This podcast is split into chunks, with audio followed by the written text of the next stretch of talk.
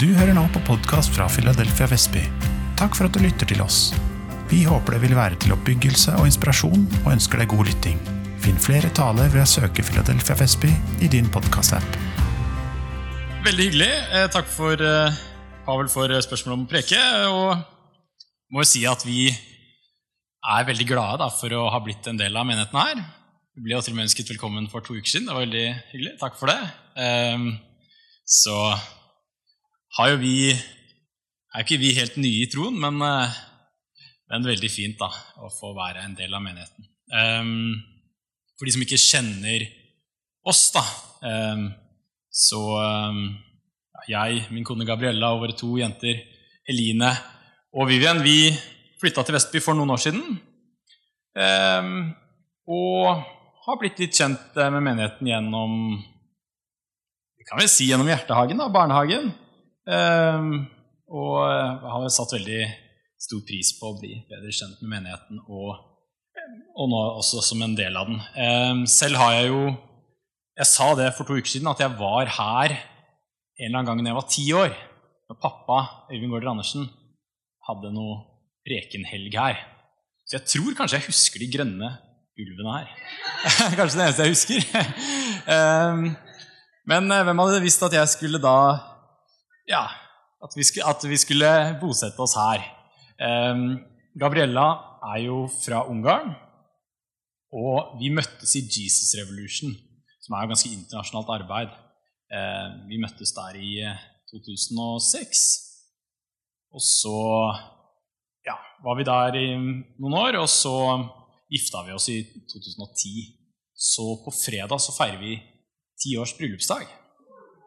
Så det er jo Det er jo litt stas. Og så har vi fått to jenter eh, på veien, holdt jeg på å si, eh, som da er en del av eh, barnehagen her.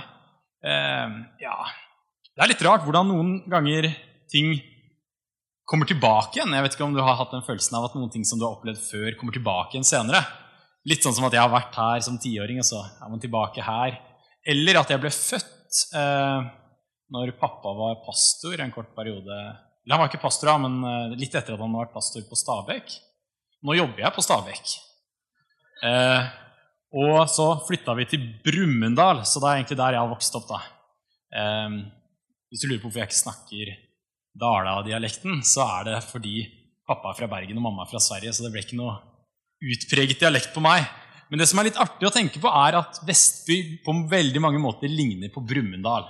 Cirka samme størrelse, og du har alt du trenger. Det er litt sånn rart at man, eh, at man liksom får det tilbake. Um, ja, og til daglig nå så jobber jeg på HLT, Høgskolen for ledelse og teologi. Det er pinsevennenes og baptistenes teologiske høyskole. Så da underviser jeg der, og så jobber jeg med min doktorgrad i teologi. Det var litt om meg. ok? Eh, men jeg skal ikke snakke om meg eh, mest, håper jeg. Eh, jeg har en overskrift som er Jesus Kristus er i går og i dag den samme. Jesus Kristus er i går og i dag den samme. og Litt det her med at ting kan komme tilbake igjen. Jeg tenkte litt på det at Ja, noen ganger så er det sånn at den Jesus vi opplevde i går, kanskje ikke i går, men kanskje for en tid tilbake, han kan du oppleve i dag på nytt. Eh, er du med? Eh, Jesus Kristus er i går og i dag den samme. Ja, til evig tid. Det er i Hebreerne 13, vers 7 dette står. Eh, og jeg har lyst til å vitne, preke, si litt om at Jesus er i går og i dag den samme. Nå er det sånn at eh, i en hektisk hverdag så er det ikke nødvendigvis alltid så lett å høre fra Gud. Jeg vet ikke om du har opplevd det noen gang. Jeg har i hvert fall opplevd det, at det ikke er alltid så lett å høre fra Gud. Det kan være ulike grunner til det. Eh, hva skal vi si? I det, I det, siste så er det en sang som har liksom gått litt i mitt hode, og som jeg har hørt en del på, og som liksom har eh, gitt litt gjenklang da, i meg. Og Det er en veldig fin sang fra eh, Philadelphia Kristiansand som heter 'Fall til ro'. Ja, De synger 'Fall til ro'. Eh, og det har liksom truffet meg litt, det her med 'fall til ro'. Ja, Det kan være en hektisk hverdag, det å høre fra Gud, men det å falle til ro det, Fall til ro, min sjel, la meg hvile, synger man i den eh, sangen. Og i det siste så må jeg si at jeg har opplevd noen skal vi si, gode stunder med Gud, der jeg føler at han på en måte har vekket opp litt gamle ting. Er du med? Eh, eller at han har minnet meg om noe han har sagt tidligere. Og på en måte har jeg følt litt sånn åndelig restart, kan man bruke det ordet her.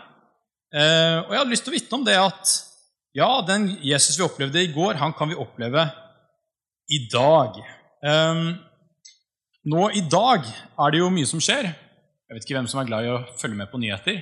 Jeg er egentlig litt for glad i å følge med på nyheter, så jeg, jeg følger veldig mye med på nyheter. Men én ting eh, som man ikke kan unngå å ha fått med seg hvis man følger med på nyheter i dag, er jo det her Black Lives Matter.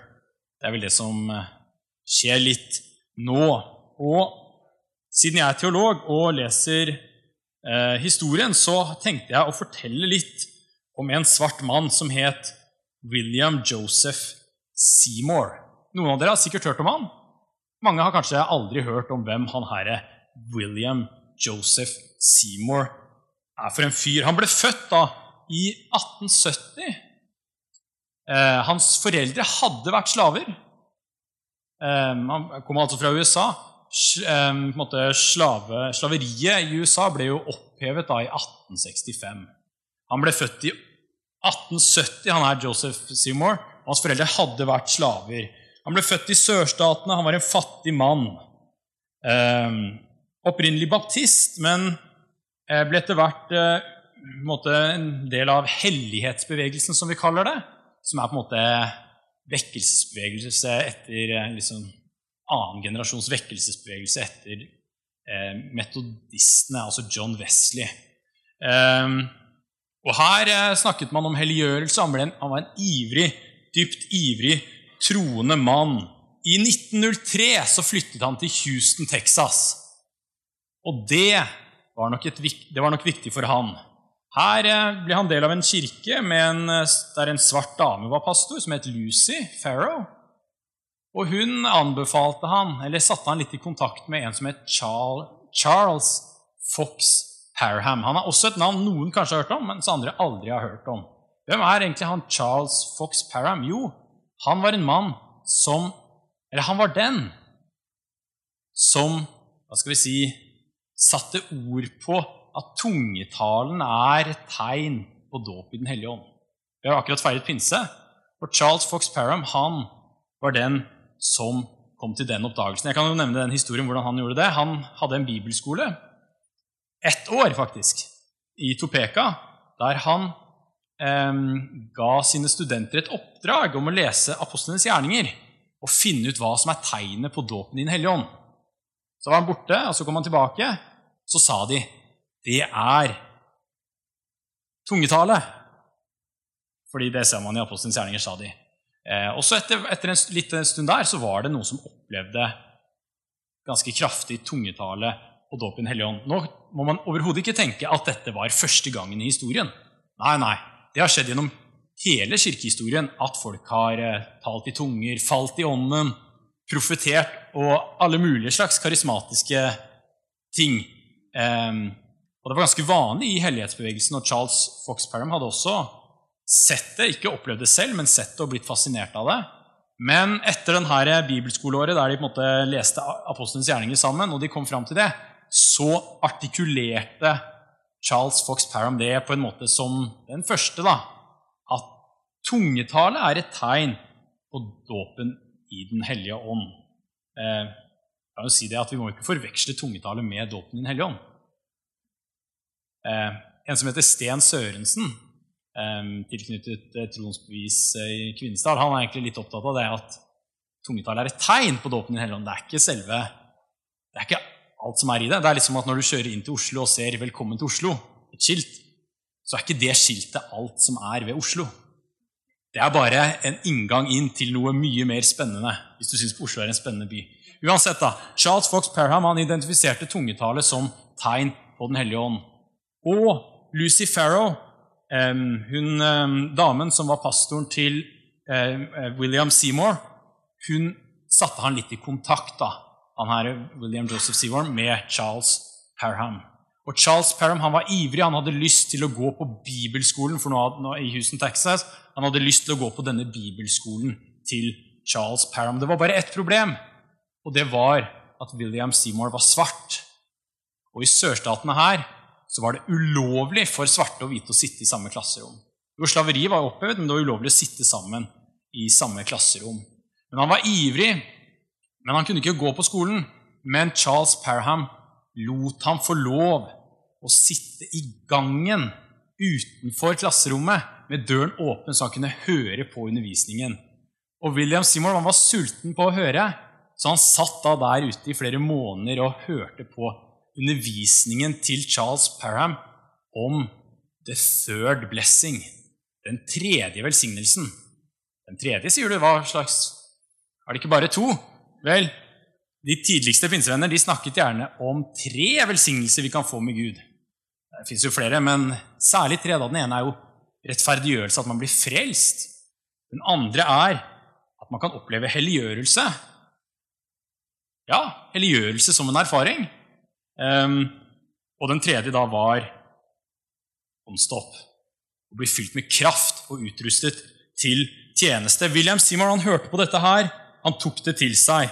Og når han senere ble kalt til Los Angeles, eh, for, for både som pastor og for å preke, så tok han med seg det han hadde hørt om the third blessing. Han prekte det selv om han ikke hadde erfart det.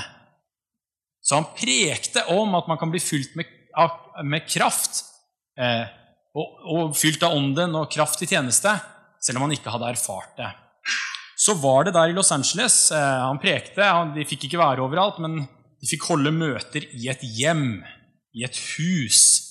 Eh, og der, i stuen, en dag, så skjedde det noe. I en bønnesamling, det var 9. april, 9. april 1906, så skjedde noe. Da falt både Seymour og flere av de andre som var, i ånden. Jeg vet ikke om du har sett det noen gang, at folk faller i ånden. Uff, Det hadde jo skjedd før, men her falt de i ånden, og de talte i tunger mens de lå der nede. Og dette synet var så voldsomt at en, en datter i dette huset hun flyktet vettskremt derifra. Jeg husker en gang på videregående når jeg eh, tok med meg en eh, ikke-kristen eh, skolekamerat til ungdomsmøte. Så kom vi litt for tidlig, så ja, da joiner vi bønnemøtet, tenkte jeg. Og jeg tenkte ikke over at for da, da, var vi på møtet, og vi bare Vi begynte å be i tunger. Er du med? Og etterpå fortalte han meg, han meg at han ble livredd under den seansen der. Ja, hadde jeg ikke slått meg i det hele tatt. Uansett, at datteren flyktet vettskremt ut av huset. Og Seymours fremtidige koner ble så inspirert at hun satte seg ved pianoet og begynte å synge på noe som hørtes ut som hebraisk. Um, og det her vekket folks nysgjerrighet og det samlet seg store folkemengder for å få med seg disse tingene som begynte her å på, pågikk. Folk samlet seg rundt huset, så Simon måtte stå på verandaen og, og, preke. Men det kom så mye folk og trengte seg inn i huset at til og med et gulv gikk i stykker. Eh, heldigvis kom ingen til skade, men det var, eh, det var sikkert ikke et så sterkt hus. Men det, det kom utrolig mye folk, så de endte opp med å flytte samlingene til en utslitt bygning i Asusas Street. Kanskje du har hørt det navnet før. De flyttet samlingene til en utslitt bygning i Asusa Street. Og der kom, var det en voldsom vekkelse. Det var tusenvis som kom dit og samlet seg. Men det som også var interessant og, og her opplevde de Gud. De ble fylt med ånden, talte i tunger, profeterte, alt mulig rart. Falt i ånden. Det var, for å si det sånn, det var en del eh, kaotiske beskrivelser av hva som foregikk der. Eh, men en av de tingene som foregikk, det var at det samlet seg. Simon var jo en svart mann. Jeg sa ikke alt om ham, forresten. Han var både kort, litt sånn grov, litt sånn grov eh, fyr. Eh, han, og han hadde fått kopper, denne forferdelige sykdommen som vi har utryddet med vaksine. Men han fikk kopper også som 25-åring. Det gjorde at han ble blind på øyet. Kopper er en forferdelig sykdom som ofte rammer barn veldig hardt. Veldig høy dødelighet, kanskje 30% dødelighet. Han får gjerne skjemmende arr etterpå. Så han fikk kopper som 25-åring. Han ble blind på det ene øyet. Altså, han var en sånn herre han var ikke den herre flotteste mannen du kanskje ser på. Er du med? Fattig sørstatsmann, blind på det ene øyet. men han sto midt sentralt der i vekkelsen i Asusa Street. Og her kom det både svarte og hvite og kinesere og alle slags folk som bodde her. Det var i tusenvis. Og én beskrev det som skjedde her, på denne måten her, at the color line was washed away in the blood. Raseskillet ble vasket bort i blodet. Er det ikke fantastisk? Det var et åndens verk. Det var ingen, ingen, ingenting annet enn det. Eh, og her samlet det seg folk, og de erfarte dåpen i Den hellige ånd i det som vi kan karakterisere som et, nesten et kontinuerlig bønnemøte som foregikk i tre og et halvt år. Og ut ifra denne låven eller utslitte bygningen i Asusa Street så spredte da pinsevekkelsen seg til hele verden. Først rundt i USA en nordmann som het Thomas Baal Barrat, som var i USA for å samle inn penger til en misjonsvirksomhet han holdt på med. Men det var ingen som ga noe særlig penger. Han var i New York og hørte New York altså er andre siden, ikke sant? Los Angeles. New York det er jo helt på andre siden. Eh, han hørte om denne vekkelsen her. Han skrev noen brev til dem i Los Angeles. Og på et møte i New York så opplever han også å bli fylt med Den hellige ånd og taler i tunger og profeterer. Og han tok dette med til Europa. Vi kaller han gjerne for pinsevekkelsens apostel. Eh, eh Europas eh, pinseapostel. Han tok med seg vekkelsen. Og Philadelphia Vestby er jo en del av arven etter Thomas Baal Barrat, som også startet Philadelphia Oslo. Eh, uansett eh, Kraften da, i det som skjedde der i Asusa, er jo egentlig helt fenomenal. Det er jo i dag eh, et par milli, hundre millioner pinsevenner. Nå snakker jeg om klassiske, mer sånn klassiske pinsemenigheter. det fins jo flere klassiske pinsevenner enn det fins lutheranere eller anglikanere eller metodister eller baptister. Er du med? Det er en voldsom sprengkraft. Hvis vi i tillegg tar med alle karismatiske kristne i lutherske, katolske og sånne sammenhenger, så snakker vi gjerne om 5, 6, 7, 800 milli, 100 millioner karismatiske. Som da er åpen for tungetale og disse tingene som skremte vettet av datteren i huset. Eh, det er jo fantastisk. Eh, det er interessant da, eh, med han William Joseph Seymour at han fikk være en sånn katalysator for dette her, at Gud brukte denne enkle mannen på en så fantastisk måte. Og nå var det ikke sånn at det som skjedde her, bare, bare plutselig skjedde. Før 1906 på 1800-tallet så var jo denne hellighetsbevegelsen som jeg snakket om. Og de opplevde ting i hellighetsbevegelsen. Folk som kunne falle i ånden. Det var litt sånn helbredelser, tungetall Det var ulike ting. Men de hadde en forventning om mer. Og de ventet på det de kalte for senregnet. Senregnet? Da må det jo ha vært noe tidlig regn. Ja, nettopp. Og hva var det tidlige regnet? Jo, det tidlige regnet det var det som skjedde på pinsedag. Vi har akkurat feiret pinse som skjedde i, som vi leser om i Apostelens gjerning i kapittel 2, om at disiplene ble fylt med Den hellige ånd og utrustet med kraft til tjeneste. Jesus sa til disiplene dere skal få kraft idet Den hellige ånd kommer over dere, og dere skal være mine vitner. Så skjer det på pinsedag. Og det var det man lengtet etter her på 1800-tallet i hellighetsbevegelsen. Man lengtet etter en, at det skulle komme en fornyelse, at det skulle bli løftet opp, at det skulle Det sene regnet Holdt på å si samme regnet, bare en gang til. Er du med? Som har vært, at det har vært litt tørt, at det skulle komme dette senregnet. Jesus Kristus er i går og i dag den samme. Og Det er litt derfor jeg forteller denne historien om pinsevekkelsen. Det er jo akkurat det som skjer. Det Gud gjør på pinsedag, det gjør han fortsatt. Er dere med? Det gjør han i dag. Jesus er i går og i dag den samme. Det var det de fikk oppleve her. Nylig så var det en annen eh, høvding nå har jeg snakket først om eh, Seymour. Men en annen høvding som også har, si, har litt relatert til Afrika, er jo en, en, en flott mann som heter Reinhard Bonke. En evangelist som har kanskje Han er sikkert den evangelisten som har talt for flest mennesker i hele verden. Eh, talt for millioner av mennesker i Afrika. Afri en tysker som fikk Afrika på hjertet, og som virkelig Gud har brukt. da. Eh, han eh, gikk jo hjem til Herren i desember. Ehm, og en ting som jeg tenkte på da han gikk hjem til Herren, eh, det var litt på det her ordet 'Jesus Kristus er i går og i dag den samme, ja, til evig tid'.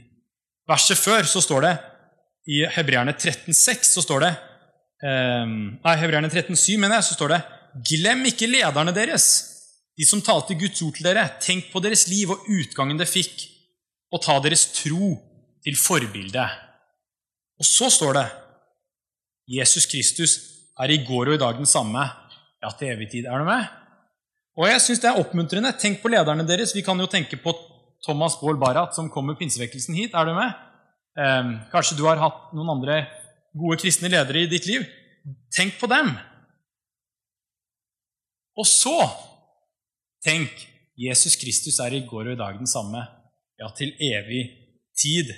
Eh, det er noen vers som jeg syns er veldig oppmuntrende, som sier litt om dette her. Eller det sier det, det sier det litt indirekte men likevel på en veldig oppmuntrende måte. Og det er ordene Gud talte da en annen åndelig høvding gikk hjem til Herren, nemlig når Moses hadde gått hjem til Herren. Og det står i Josva 1. Vi kan slå opp i Josva 1.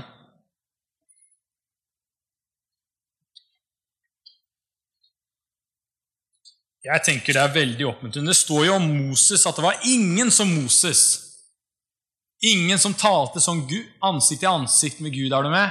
Han var en fantastisk leder. Og så forsvinner han. Josva må ha følt at Litt skjelven i knærne. Han skal lede det samme folket. Ustyrlige som til og med Moses, gudsmann Moses hadde problemer med å lede. Men da står det da i Josva 1, fra Josva 1,1.: Da Moses, Herrens tjener, var død, sa Herren, til hans medhjelper Josva, Nuns sønn. Min tjener Moses er død. Gjør deg nå klar til å gå over Jordan, du og hele dette folket, inn i det landet som jeg vil gi dem, til israelittene.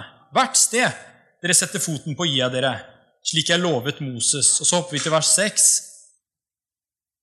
Eh, nei, vers 5. Så lenge du lever, skal ingen kunne holde stand mot deg. Jeg vil være med deg slik jeg var med Moses. Jeg svikter deg ikke og forlater deg ikke. Vær modig og sterk. For du skal gjøre dette folket til eiere av landet, som jeg med ed lovet deres fedre å gi dem. Er ikke det oppmuntrende? Jesus, eller er, den, eller går jo dagen samme? Ja, til evig tid. Gud er den samme. Så det Josfa får høre her, er at Gud er den samme. Og det er det viktigste. Moses er borte, men Gud er den samme. Tenk det. Tenk at det var han som kunne gå inn i det lovede landet. Det er fantastisk. Eh, vi er jo litt sånn i vekkelsesmodus nå, så la meg nevne en annen fyr som har vært med i vekkelser. Er det noen her som har hørt om navnet Charles Finney noen gang? Charles Finney. Ja, hvem er han, holdt jeg på å si? Han levde eh, Ja, han ble født i 1792 og døde i 1875. Og han var med på noen av disse store vekkelsene i USA på 1800-tallet. Er dere med? Charles Finney.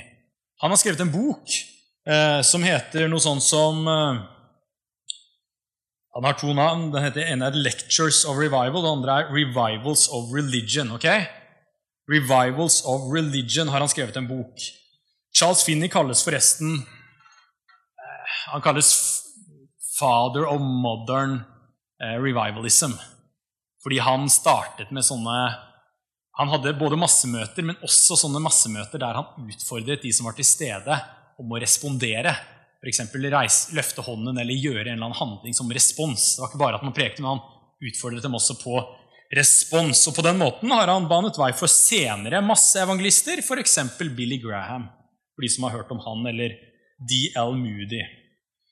Uansett, i boken hans 'Revivals of Religion' så innleder han med et bortgjemt vers i Habakuk. Jeg er sånn jeg sliter med å finne Habakuk når jeg liksom skal finne ham blant småprofetene. Er du med? Det er helt nesten umulig. Jeg husker ikke rekkefølgen på disse småprofetene. og Det er vanskelig å finne han, Men eh, det fins en bok i Det gamle testamentet som heter Habakuk. Og i kapittel 3, vers 2, så står det som dette Jeg leser fra norsk bibeloversettelsen, eh, altså 88-oversettelsen. Hør på det her. Eh, dette er det verset som, som eh, Charles Finney innleder med da, i sin bok 'Revivals of Religion'. Han sier sånn her Eh, her, her står det i Habakuk 3,2.: Herre, jeg har hørt budskapet om deg. Jeg er forferdet. Herre, din gjerning, kall den til live i vår egen tid. Ja, kunngjør den i vår egen tid. I din vrede må du komme i hu og forbarme deg. Jeg tenkte å lese hva som står på engelsk. Eh, han siterer jo King James-oversettelsen. O Lord, I have heard thy speech and was afraid. O Lord, revive Revival, altså. Revive thy work in the midst of the years. In the midst of the years, make known. In wrath, remember mercy. Habakuk han er jo en profet, en av småprofetene. Når levde han, mon tro? Han levde på 600-tallet før Kristus. Eh, hva skjedde omkring denne tiden? Vel,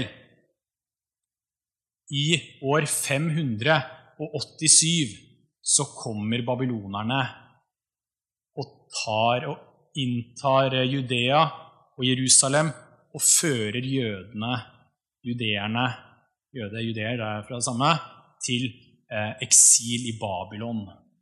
Eh, Habakuk er rett i forkant, kanskje litt samtidig med dette her. Eh, og det han leser det han, eh, Dette ordet Habakuk 3.2 kan kanskje ses i sammenheng med liksom profetisk om at folket tas i fangenskap til Babylon. Og Charles Finnis kommentar til dette her til dette her er på en måte sånn som dette han sier. Når han ser på dommene, altså disse altså Guds vrede da, som kommer over nasjonen, så må sjelen til profeten virkelig ha vrengt seg på innsiden. Og han roper ut i sin nød, Å Herre, revive thy work. Eh, kall din gjerning til live igjen. For han må ha vært opptatt av at Gud ikke må la Israel legges øde, men at Gud skal vekke dem til live igjen på nytt. At Gud skal huske på sitt folk med nåde. Eh, som, det står her In wrath, i vrede, remember mercy. I vrede, husk på din barmhjertighet. Er dere med? Revive thy work. Fantastisk eh, bønn, det her. Eh, Herre, din gjerning, kall den til live i vår egen tid. Vi ser her et eksempel på at noen ber en sånn bønn. Og Charles Finnis eh, poeng er jo at vi også kan be sånne typer bønner. Vekk opp igjen ting på nytt, Herre. En ting som jeg har tenkt på, er Det kan jo være særlig når en møter ulike typer vanskeligheter, men også når en er stressa i en hektisk hverdag, er at det er lett å komme i det man kaller for fight or flight mode. Er det noen som har hørt det uttrykket?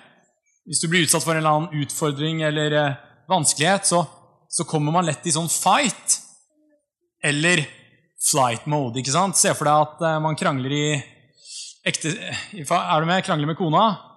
Enten så angriper man, eller så flykter man. Jeg vet ikke om noen har opplevd det noen gang. Um, fight or flight mode. I disse dager, der man alltid er på mobilen, så er det jo lett å tenke på at å være i flight mode er noe positivt. Er du med? Man skrur av eh, telefonen eller Men jeg tror at Guds vilje ikke er at vi skal være i flight mode åndelig sett, altså at vi skal være åndelig avkoblet. Nei, vi må være åndelig påkoblet. Vi må høre om telefonen ringer, vi må høre om Gud ønsker å si deg noe, om Gud ønsker å hviske. Eh, og i det så tror jeg kanskje det her er fall til ro, den sangen her, at det er noe viktig at man faktisk kan høre hva Gud sier. Vi har et godt eksempel på en som flykter, som er i flight mode i Bibelen, og det er jo profeten Jonah. Da profeten Jonah hører Herrens ord om at han skal dra og forsyne i Ninive eh, Jonah var jo da i nord i Israel, og Ninive det var jo hovedstaden i det store riket av Syria, som senere holdt på å si, utsletter Nordriket, var jo Israels verste fiende. Gud kaller han til å forsyne for de verste fiendene til Israel. Det er derfor han flykter. Han vil ikke gjøre det her.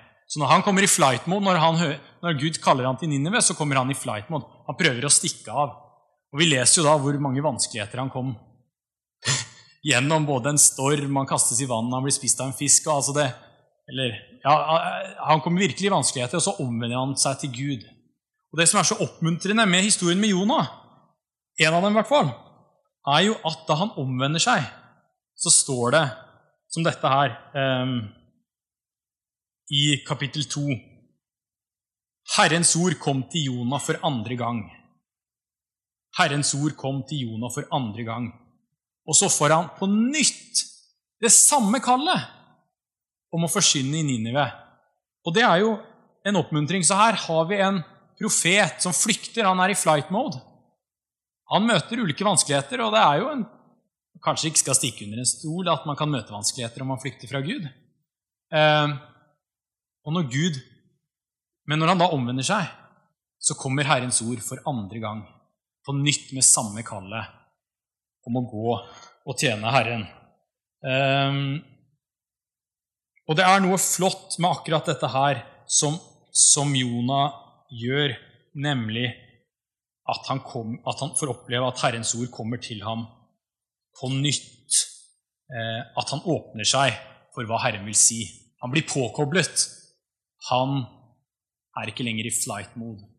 Han, han er på. Han, eh, hans sjel faller til ro, om vi skal si det på den måten her. Det er en veldig veldig flott historie som sier noe om dette her i 1. Samuel kapittel 3. Eh, gjerne slå opp i 1. Samuel 3 hvis du har Bibelen eh, på mobilen eller i hånden på andre måter. I 1. Samuel 3 så er det en fantastisk historie. I Bibelen 711 så heter overskriften 'Herren kaller Samuel'. Nå er det jo Noen som tenker at det her er jo en flott søndagsskolehistorie, men det er en utrolig dyp mening i 1. Samuel 3. Den er like aktuell for voksne som for barn. Ehm, jeg bruker litt denne historien når jeg har eh, som et eksempel på ja, hvordan lese bibelhistorier. Eh, I, eh, I, min undervisning, faktisk, i Gammeltestamentet. Ehm, jeg bruker den ganske mange som eksempel, og jeg spør hva er hovedpoenget i denne historien her. Nå er det jo sikkert, er det flere poenger, og man kan lese den på ulike måter. Men eh, hvis man ønsker å se på hva som er hovedpoenget i det man kaller for narrativer, i historier, så er det viktig å se på konteksten. Hva er kontekst? Det er sammenhengen. Eh, hva står før, etter? Hvor er den plassert i forhold til rekkefølgen av hendelser? Eh, men også hva er den historiske konteksten her? Så, så man, man ser på disse tingene her. Og Hvis man ser på disse tingene her, når man leser 1. Samuel 3, så er det veldig interessant. Dette er jo under dommerperioden. Men og, og, Samuel er jo den siste dommer før kongedømmet kommer. Men det som er interessant med dommerperioden, er jo at det var ingen leder i Israel. Etter Moses, gudsmannen, og Josva, hans arvtaker, så var det ingen spesiell leder i Israel. Eh, holdt på å si Hver mann gjorde som han selv ville. Det var anarki. Eh, men Gud reiste opp ulike dommere. Men det var ikke på samme måte som med, med Moses og med Josva. Og det man ser, er at dommerne er ikke helt gode heller. Noen sammenligner eh, Dommernes bok, da, som er rett før 1. Samuel 3, eh, med at det er en sånn sirkel. Er du med? At først så lever folket med Gud, det er bra og så om, eh, begynner de å følge avguder, så går det dem dårlig. Og så roper de til Gud, så går det bra. Men en bedre illustrasjon på Dommernes bok er at det er en nedadgående spiral. Fordi man ser, hvis du leser nøyere etter, at dommerne blir bare verre og verre og verre. Så selv om Gud reiser opp ledere, så er ikke den ene dommeren bedre enn den forrige. Det blir verre og verre dommere. Det er blitt verre og verre tilstander. Og det er jo noe av forklaringen på hvorfor kongedømmet oppstår i Israel. Folket går lei av til og med dårlige dommere.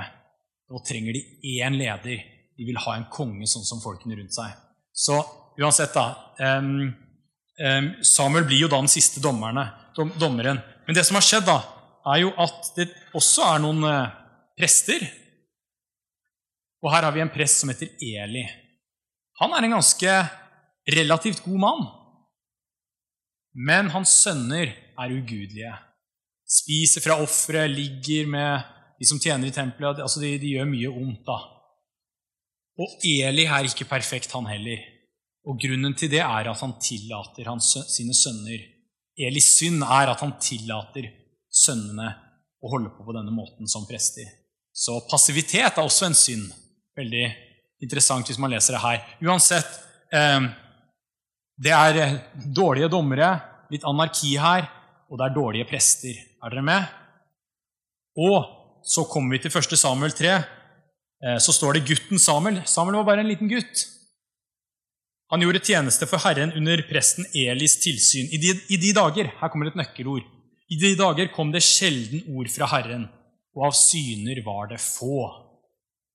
Så i denne her litt mørke, ugudelige, vanskelige perioden her, så er det lite å høre fra Gud. Det er sjelden det kommer ord fra Gud.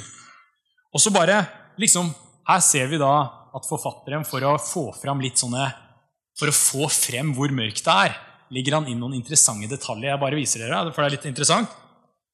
Hør på det her i vers 2. Så var det en gang Eli lå og sov. Legg merke til det. Sove. Er døsig. Eli lå og sov. Øynene hans var svake. Hvorfor har han med den detaljen? Jo, han får frem jo hvor svak og hvor mørkt og hvor ullen tilstanden er. Han kunne ikke se. Guds lampe var ennå ikke sluknet, men det høres ut som den neste er sluknet. Er du med? Får dere med dere disse detaljene her? Det er ikke helt god tilstand her. Og Samuel lå i Herrens tempel der Guds paktkiste sto. Og så kommer da Herren. Og hva gjør han? Jo, han kaller på Samuel. Han sier 'Samuel, Samuel'. Men Samuel er ikke trent til å høre fra Herren. Han vet ikke hva han skal gjøre, han vet ikke hva, hva slags stemme dette her. Han er forvirret. Han går til sin eh, holdt på å si, læremester, presten Eli, og sier 'Hei, hei, hei, du ropte på meg', sier han. Så sier presten Eli 'Jeg har ikke ropt på deg. Gå og legg deg'. Og så skjer dette flere ganger. Han legger seg igjen, så rop, kaller.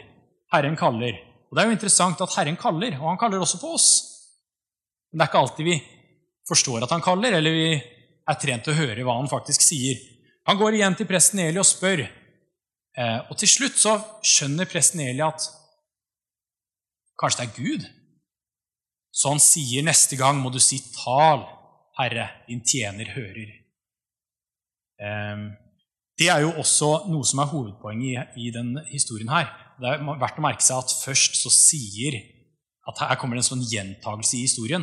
At presten Eli, Det står ned at presten Eli sier eh, når, når, her, eh, når du hører eh, Gud kaller, så si 'Tal, Herre, din tjener lytter'.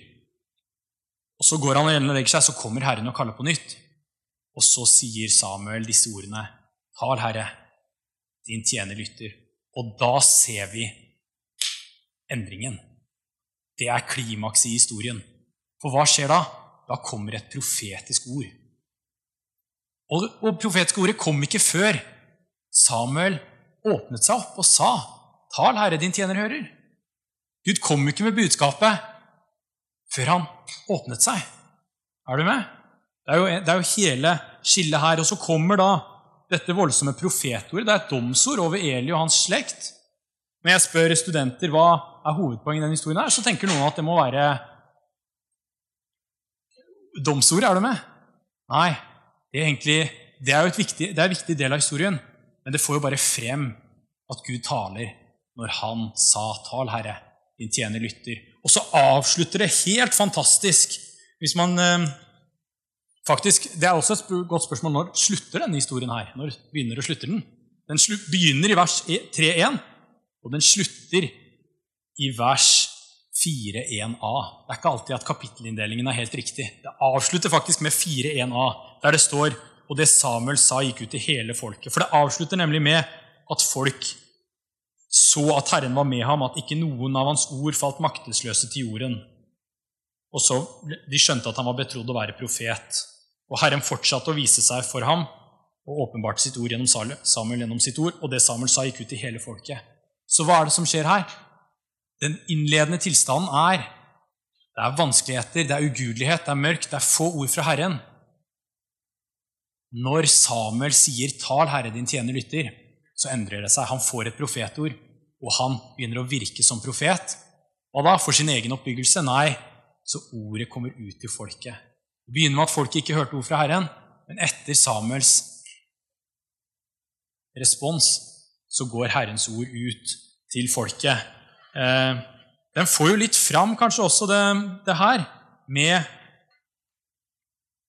at Gud ønsker på nytt å tale til oss. Så hvordan kan vi erfare i dag gårsdagens Jesus? Hvordan kan vi erfare at Gud er den samme i dag som han er, var i går? I 1. Johannes 1, 1. Johannes brev, ehm, så er det et lite måte, et par ord som gjentas flere ganger. Og det er ordet 'fra begynnelsen'. Flere ganger i Johannes 1 så står det om at vi skal holde fast ved det dere har lært fra begynnelsen. På gresk er det ap archæs. Ap archæs fra begynnelsen. Hold fast ved det du har lært fra begynnelsen. Og jeg tenker at det er to dimensjoner ved dette her. Den første og viktigste dimensjonen ved å holde fast ved det vi har lært fra begynnelsen, er jo å holde fast ved det Gud har talt i sitt ord gjennom Bibelen. Eh, vi må ikke hoppe over Bibelen, vi må ikke hoppe over Guds ord. I eh, Johannes 1 så står det dette er det budskap dere hørte fra begynnelsen av. Vi skal elske hverandre, det er jo det Jesus sa. Og dette er hans bud. Vi skal tro på Hans sønn Jesu Kristi navn og elske hverandre slik som han bød oss. Det er den ene dimensjonen. Eh, vi skal holde fast ved det Gud har talt til oss fra begynnelsen av gjennom sitt ord. Men den andre dimensjonen ved det her å holde fast ved det vi har hørt fra begynnelsen, er en dimensjon som vi kan si avhenger av den første dimensjonen. Må prøves på den og det er hva har Gud sagt til deg? Har Gud sagt noe til deg? Husker jeg var på et møte um, med Jostein Krogedal, pastor i Hillsong eh, Norge. Og Det han sa, det, synes, det talte litt til meg. Han sa, 'Hva har Gud talt til deg?' Har Gud talt til deg? Ja, Gud kan ha talt til deg. Og Hvis ikke, så kan du også høre hans tale. Det er ikke bare Bibelen, men det er også personlig tiltale. Gud kan tale til deg personlig. I hvert fall har jeg opplevd det. At Gud flere ganger har talt ting som jeg ser har gått i oppfyllelse. Um, en ene er jo det at Jeg har nok hatt litt det her på, med undervisning og sånne greier på hjertet. Men det har ikke alltid vært sånn at det har eh, at jeg har levd i det, at jeg har holdt på med det. er det med, men det har ligget der, Jeg har på en måte hatt fornemmelse av at jeg har noe av dette her, men uten at jeg nødvendigvis har levd i det husker bl.a. når jeg var på Universitetet i Oslo studerte økonomi der, og vi hadde alfakurs osv., så, videre, så var det mange flotte folk der som holdt på. Så jeg bare hjalp til. Jeg hadde ikke noe undervisning der, men det var, det var greit. Jeg hadde likevel, jeg kom, En dag kommer jeg til å undervise mer. Er du med? Samme var med jobben jeg har nå, og med doktorgrad og undervisning. Jeg husker da når jeg skrev min masteravhandling. Da var jeg student. Da jeg fikk tanker at kanskje jeg en dag skal holde på med undervisning og doktorgradsarbeid. Så går det i oppfyllelse. Det samme er litt med konas jobb. Jeg kan fortelle et vitnesbyrd om det. Gabriella jobber jo som eh, revisor i Riksrevisjonen. Etter at vi gifta oss, så studerte hun eh, økonomi da, på det som da het Høgskolen for, eh, ledelse. sier jeg. Eh, Høgskolen i Oslo og Akershus. Eh, og studerte revisjonsarbeid. Eh, og det tredje året hun gikk der, hun tok eh, treårig bachelorgrad, så skulle hun Så var det sånne ulike karrieredager og sånn. Da var det noen eh, folk da, fra ulike typer jobber, steder, som hadde da karrieredag. Og det var ett spesielt sted som Gabriella syntes virket tiltalende, og det var Riksrevisjonen fikk god kontakt med dem på stand, og hun fikk lyst til å, lyst til å Det var en, et drømmested. Er det med? Eh, de hadde opptak to ganger, eller de, de, utlyste stilling to ganger. da. Så de utlyste stilling på høsten, og hun søkte på den. Hun fikk ikke jobben. Så kom våren, og hun søkte på nytt. Eh, eller, og, og, og, rett før hun søkte på nytt der, så hadde hun søkt på andre typer jobber. Og Hun kom langt i intervjurunder, kanskje hun kom som nummer to osv. Men hun fikk ikke jobben. Begynte etter hvert å bli litt sånn motløs. Alle som har vært med i jobbsøking, vet at det kan være veldig utfordrende. Så etter hvert så begynte hun å bli litt sånn nedbrutt. Kanskje ikke jeg kan jobbe som revisor, kanskje jeg må jobbe som regnskapsfører. Nå er det ikke noe galt å jobbe som regnskapsfører, men drømmen var litt å jobbe som revisor. Og Jeg husker hun var litt nedfor, og jeg fikk litt på hjertet at her må vi, her må vi be. Så ba jeg til Gud om eh, at hun måtte få jobb, og så plutselig utlyste Riksrevisjonen en ny stilling. Hadde, hun hadde jo ikke fått den på høsten, men på våren. da. Hun var nå på slutten av sin eh, på skolen. Så utlyste en ny stilling, og jeg ba, og jeg følte du skal få denne jobben. Jeg begynte å få tro, så jeg sa du må søke. Og, og, sånn, og hun, ja, hun søkte. Og så kom hun på intervjuer. Hun kom på flere intervjuer. Og så eh, ventet hun på svar. Og det er klart, Hvis du får jobben, så får du svar i løpet av noen dager. Hun fikk ikke svar. Det var jo veldig nedtur. Hun følte at det var veldig veldig kjedelig. Eh, og så var det skolen var slutt, nå skulle vi på ferie. Skulle dra til Syden. Og det som skjedde da, det var at ja, vi var bortreist, men jeg hadde fått på hjertet jeg følte at Gud hadde sagt det. Altså, det er ikke alltid man føler Gud taler klart om alt, men jeg hadde nesten jeg hadde Gud, Gud hadde sagt at hun skulle få denne jobben. Så jeg sa du må ha med mobilen. Du må ha den på. Hadde, altså, nå var det gått mer enn en måned siden in, siste intervju, så hun hadde jo ikke fått svar på det her. Eh, og så var vi, vi var, vi var i Syden. Plutselig ser hun et ukjent nummer som har ringt. Og jeg sa du må sjekke hvem er det som har ringt. Sjekket hun. Så var det Riksrevisjonen. Så ringer hun, og så fikk hun jobben. En og en halv måned eller noe sånt etter at hun hadde vært på intervjuet. Og Det var, eh, det var en liten bekreftelse på at Gud, at Gud kan tale, og at det han sier, det kan gå i oppfyllelse. Eh, jeg hørte en historie som er litt interessant, som kanskje illustrerer det. Jeg husker ikke den helt nøyaktig, så det jeg sier nå, må du ta med en liten, sånn, liten klype salt, og så må du nesten prøve å få med essensen av det. Er du med? Eh, men jeg hørte en historie fra en så vidt jeg husker, Hvis jeg husker rett, så holdt hun, nå på med eh, misjonsarbeid. Eh, hun var, hun var, vel norsk, men hun holdt på med misjonsarbeid i et annet land. Hun hadde opplevd som yngre at Gud hadde kalt henne til misjonsmerken, men så var det litt ulike omstendigheter, og hun gikk ikke inn i det. Er du med?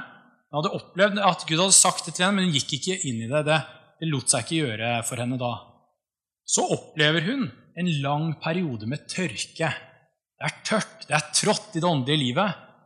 Det er så treigt. Og hun blir litt sånn desperat. Er du med? Hun føler ikke hun kan høre fra Gud.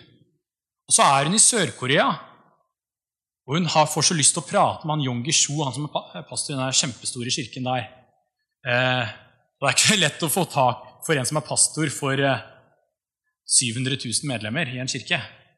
Men hun kommer litt sånn inn i en etasje der, og hun klarer eh, Kommer litt tilfeldig borti han, og hun bare roper på Jon Gishu. 'Hei, jeg trenger å prate med deg.' Og så forteller hun Jon Gishu da at, at, hun opplever det så trått i det åndelige livet. Og så, og så sier Jon Gishu, 'Hva var det siste Gud sa til deg?' Så kommer hun på at hvis hun tenker tilbake, at det var jo når hun var snakk om å gå ut på misjonsmarken. Og så ender hun opp med å handle på det og gå ut på misjonsmarken og opplever en fornyelse i sitt åndelige liv. Det er en veldig interessant historie. Um, og jeg tror at det fins nye og fornyede muligheter. Og hvordan kan vi erfare gårsdagens Jesus i dag? Altså, hva er det Gud har sagt til deg? Og noen ganger så kommer vi inn i tørkeperioder, er du med? Eh, når jeg ble frelst som Jeg har jo egentlig alltid vært kristen, men når jeg virkelig opplevde Jesus som 12-13-åring, så ble jeg veldig ivrig. Eh, hvis vi kan si det sånn. Så var jeg på noen sommerteam, husker jeg. Ja, så var det et sommerteam eh, noen år senere som jeg var på, der det var en leder som hadde på en måte fulgt litt min reise. er du med? Som sa til meg, han, han sa noe som egentlig ikke hørtes noe hyggelig ut i det hele tatt. Han sa til meg, 'Jeg husker deg i fjor eller forrige fjor, eller hva det var. At du var veldig ivrig. Hva har skjedd med iveren din?' Det var litt av en utfordring, hans, eh, som han sa. Eh, men det traff meg. Det traff hjertet mitt. Og så var det sånn at neste dag skulle være en sånn her, Vi skulle dra med sommertime på en sånn bønnekonferanse og sånn. Eh, og jeg husker jeg, det var liksom, Vi skulle ikke gjøre noe misjon, vi skulle bare ut på, på denne bønnekonferansen eller evangelistkonferansen. Det var eller, annen, en eller annen greie. Og Jeg husker jeg gikk den dagen, da det var dagen etter, med en liksom bønn i hjertet. Og Jeg husker også at jeg fastet, at jeg ikke spiste den dagen. Så jeg verken spiste og hadde en bønn Det var jo mer en sukk. da, Gud, jeg ønsker noe av det livet tilbake som, en gang, som jeg hadde. Og så husker jeg hvordan jeg etter den dagen der, med den sukket og den bønnen der, opplevde en skikkelig oh, fornyelse. Og jeg tror det her er sangen som jeg snakket om dere i stad, med 'Fall til ro', at noe av hvordan Guds verk og gjerning i deg kan vekkes på nytt, noe av det gamle Gud har sagt til deg, som du kanskje har glemt, eller oversett eller flyktet fra, eller jeg vet ikke hva, kan tales til deg på nytt. Det kan være ord fra Bibelen, det kan være ord Gud har talt til deg, som samstemmer med Bibelen, osv. Og, og jeg tenker som så det finnes nye og fornyede muligheter med Gud. Jeg elsker evangeliesenterets motto 'Ennå er det håp'. Er ikke det fantastisk? Med Gud så er det alltid nye muligheter.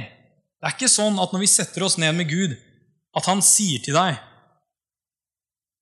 'Hvorfor har du ikke Hvorfor ba du ikke i går? Er, er, du med?' Nei, det er som at han plukker opp tråden der du slapp den.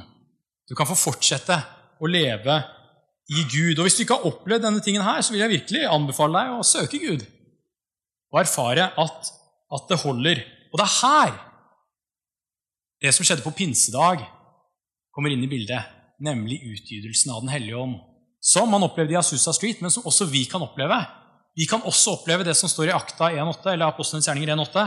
Dere skal få kraft idet Den hellige ånd kommer over dere, og dere skal være mine vitner. Det er Den hellige ånd som utgjør den hele forskjellen. Det er han som gjør Jesus levende for deg i dag, sånn at du kan oppleve den Jesus vi leser om i Bibelen. Og Jeg tenkte å avslutte litt med Johannes kapittel 14. Så hvis dere slår opp Johannes 14 med meg så leser vi litt om Den hellige ånd. Her kalles han gjerne for talsmannen. Og på gresk står det Ordet, holdt jeg på å si, på gresk så står det parakletos.